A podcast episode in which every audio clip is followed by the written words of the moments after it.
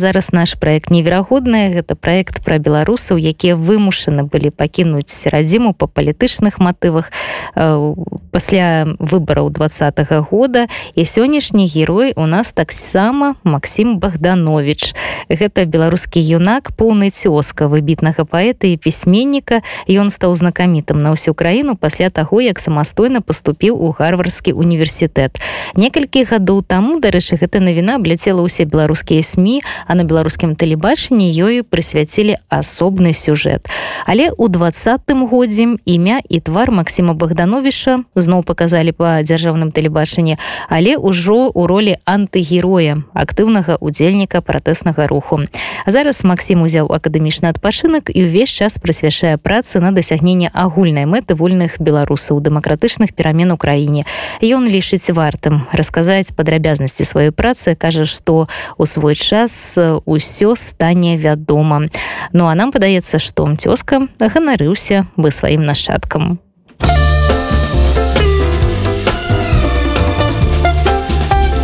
неверагодныя меня зовут Макссім богданович я зараз студэнт сам я з мінску зараз я навучаюся у гарвардскім універсітэце і мне таксама не толькі з універсітэтам пашэнціла лейшы з імём Таму вельмі рада з вами сёння празмаўляць і спадзяюся наша гутарка будзе вам карысна я вучусь у гімназіі нумар 4 это адна з нешматлікіх беларускамоўных гімназій у мінску. І пасля у 11 класе я чамусьці вырашыў мне рэчы стрыечны брат натхніў поступіць у замежны вну. І я даслаў сваю заявку у 13 універсітэтаў розных амерыканскіх я не патрапіў ні ў ніводны пакуль у апошні дзень гарва дасылае адказы апошнім з універсітэтаў я не прачнуўся я уже не, не хацеў нікуды ўставаць ісці ну навошта ну, 12 ўжо адмовілі просто стаўся гарвард бег увогуле буду открываць і я адкрыў і там я патрапіў Ну вось і так э, я ў 17 год наступным жа жніўнем паехаў вучыцца і адвучыўся два гады я зараз вучу прыкладную матэматыку эканоміку і я дарэчы вось сам шчыра кажучы не ведаю чаму мяне выбралі таму адказаць на пытанне як я патрапіў ну не змагу я для цікавасці паглядзеў свае запісы якія камісія рабіла пра мяне калі мяне яны прымалі тому что кожны студэнт мае права іх запрасіць і у гэтых запісах па-першых няшмат что что цікава і там там літаральны быў радок штосьці кшталту Ну ён там не вельмі такія выпендрысты але ну бачыла что там таленавіты літаральна два радкі Ну гэта сапраўды так тому что реально не было шмат чаго чым я мог пахвастацца улічваючы там усіх гэтых амерыканскіх школьнікаў якія там у свои 16 год уже там прэзідэнты студэнцкага самае кіраўніцтва заснавалі нейкі клуб юных хімікаў там выйгралі алімпійскую медаль там петлю корбу здрабілі ну все такое. Я, я нічога гэтага не меў і я там я займаўся спортом фехтаваннем то что я вельмі удзячны спорт это супер. Я там удзельнічаю в олімпіядах ніводную з якіх я не выйграў па ўсім і по беларускай мовы по англійскай і по біялогіі по хіміі по матэматыцы Макссім богдановича можна было заткнуць любую олімпіяду ну у школе разумееце ж там же трэба как нехто пудзелі ну, вось наш мясцовы датычка і ну вось таким чынам я просто вырашу потрапіць поступіць ну і атрымалась ну это космічнае адчуванне тому что за тебе хтосьці клапоціцца ты толькі прыязджаешь і там адразу першае что сустрэў гэта быў такі дом. Ну ён дарэчы заўсёды на карцінках калі вы гугліце гарбрат там заўсёды пишутць там показваюць эту інтэрнат world называется. І в гэтым доме была э, праграма для інтэрнацыянальных студэнтаў якая арганізавана іншымі студэнтамі каб патлумачыць ім як там жывецца ў ЗША што трэба ведаць як адрозніваецца культура. І першыя тры дні табе просто рыхтуюсь да прыезду і тут кажуць як быццам бы гэта чуманейка так амерыканцаў.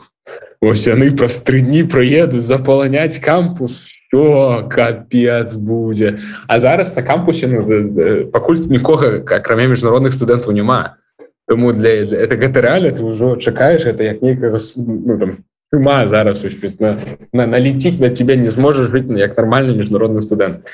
і там у першы ж дзень там самы смешны прафесор робіць стендап-шоу пра універсітэт Ну ён просто так жартуе за ўсяго таго што яму там падабаецца ці не падабаецца пасля табе знаёміць за сваім адвайзерам першым які акадэмічны потым за другім адвайзерам які з табой жыве. Ну там мы живем у домах і там э, унізе жыве сям'я звычайна. Кожным пад'ездзе вось там чалавек 20 жыве і жыве вось эта сям'я проктары называются і там яны по факту жывуць для того каб вас падтрымліваць і вы там э, адзін з адным не перасварыліся і просто комфортна сабе адчувалі. Потым табе знаёміць з третьим адвайзером гэта іншы студэнт просто старэйшага курса які табе павінны дапамагаць. І гэта ўсё вось такая вось падтрымка яна тве абвалоквае каб ты не мог вось нідзе ну, напэўна тому что вялікая інвестыцыя тому что маім выпадку напэўна у меня поўная фінансавая дапамога. І гэта для кожнага беларуса хто туды потрапіць будзе таксама ну, потому что яна ідзе там да 60 тысяч долларов агульнага заробку сям'і то вам даецца поўна фінансавая дапамога універсітэты як бы інвестуе ў студэнтаў таму ён вельмі клапоціцца про тое каб яны сабе добра адчувалі я вучыўся ў рускамоўнай школе з першая па чавёрты клас невядома мы там часам по-беларуску размаўляем але каб быть шчырам то там першая мова якую вывучыў беларуская і ўжо пасля там бацькі калі я навучаўся беларускамоўнай гімназіі самі пачыналі больш размаўляць гэта дарэчы пра уплыў адукацыі наколькі это важно тому что нават калі табе сын вучыцца ў школе ты сам пачынаеш як бацька там калі ты робіш ім матэматыку ці што напісана трохкутнік думаць по-беларуску і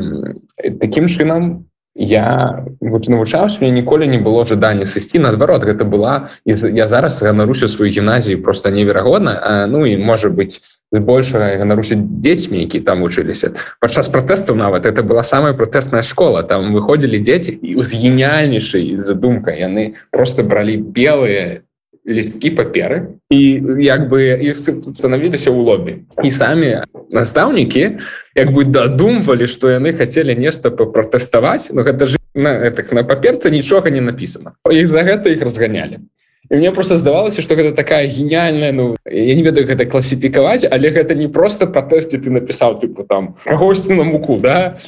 Наадварот ты як бы прымусіў іншых людзей падумаць что ты пратэстуеш і хотя ты нічога не робіш і гэта было абсолютно гениальна нейкі чалавек бацька прыйшоў их падтрымаць да школы сам з плакатам дзеці вы неверагоднай Ну і я вось за такі момант вельмі свою школу потому что на вельмі ну, свабода любівая і гэта таксама звязана з мовай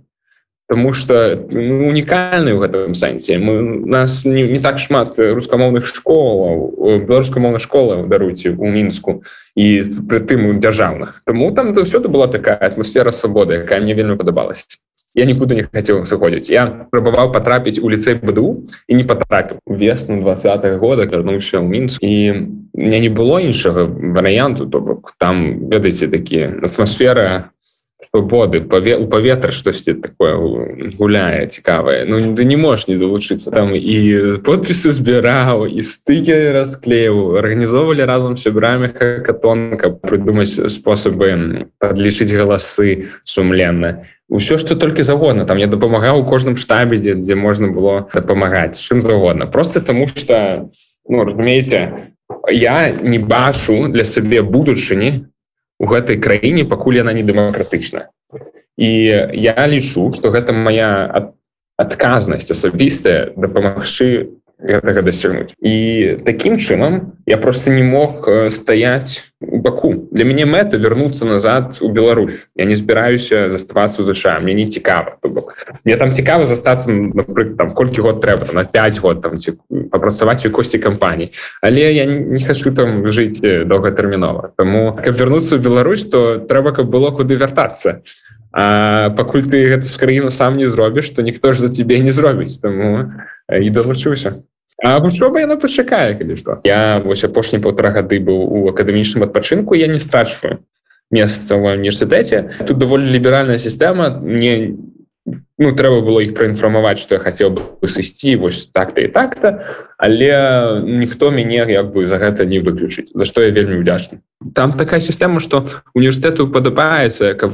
студэнты узялі свой часней для сабе каб зразумець што ім цікава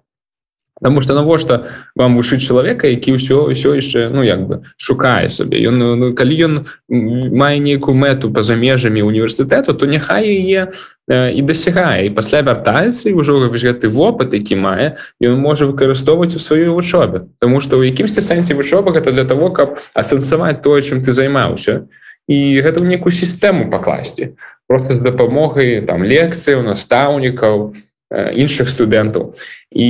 пакуль вось няма чаго асэнсоўваць чаго сістэматызаваць то адукацыя не, не, не можа быць такой карыснай. Таму для іх вельмі добра што студэнты сыходзяць і студэнты займаюцца сваімі справамі пасля яны вяртаюцца яны могуць больш прапанаваць іншым студэнтам патлумачыць ну больш жыццёвага вопыту і яны таксама будуць лепш вучыцца тому что яны калі вяртаюцца яны ж вяртаюцца не просто так. Яны ўжо атрымоўваюць нейкую матывацыю вярнуцца тому что яны там займаліся тым что хацелі і зараз увесь час вучыць такі студэнт нашмат больш прадуктыўны Я разумею что адбываецца ў краіне я вельмі як бы спачуваю пры гэтым все роўна знаходжуся у кантэксце і можа так сказаць я адчуваю что гэта самы важный час у маім жыцці я хочу вярнуцца назад калі я з'язджаў ну яшчэ весной два года я вагаўся. Мне не здавалася я там хочу потрапіць у нейкую вялікую кампанію ці там пайсці ў акадэмію что заводна так там і там жаніцца на амерыканке і, і застацца Ну штосьці такое? Але зараз у меня няма гэтага жадання і у меня наадварот абсалютная мэта вернуться назад. І я гэта асэнсаваў вось апошнія полтора гады я зразумеў что я хочу зрабіць і вось, вось это адчуванне мэты яно дапамагае мне і працаваць і вучыцца і робіць все что толькі заўгодна вось гэта адчуванне мэты вернуцца ў Беларусь і зрабіць Беларусь лепшай краін гэта тое што я атрымаў за апошнія полтора гады Максім Богданович беларускі юнак быў у нашым эфіры Ну нагадаю што у праграме неверагодная Максім з'явіўся не проста так тому што сёння наша праграма прысвечана 130годдзю выдатнага беларускага паэта Макссіма Богдановича. Ну а беларускі студэнт які ў свой час поступіў у гарвард і стаў колькі гадоў таму героем скажем таким беларусем а сёння гучаў у нас у эфіры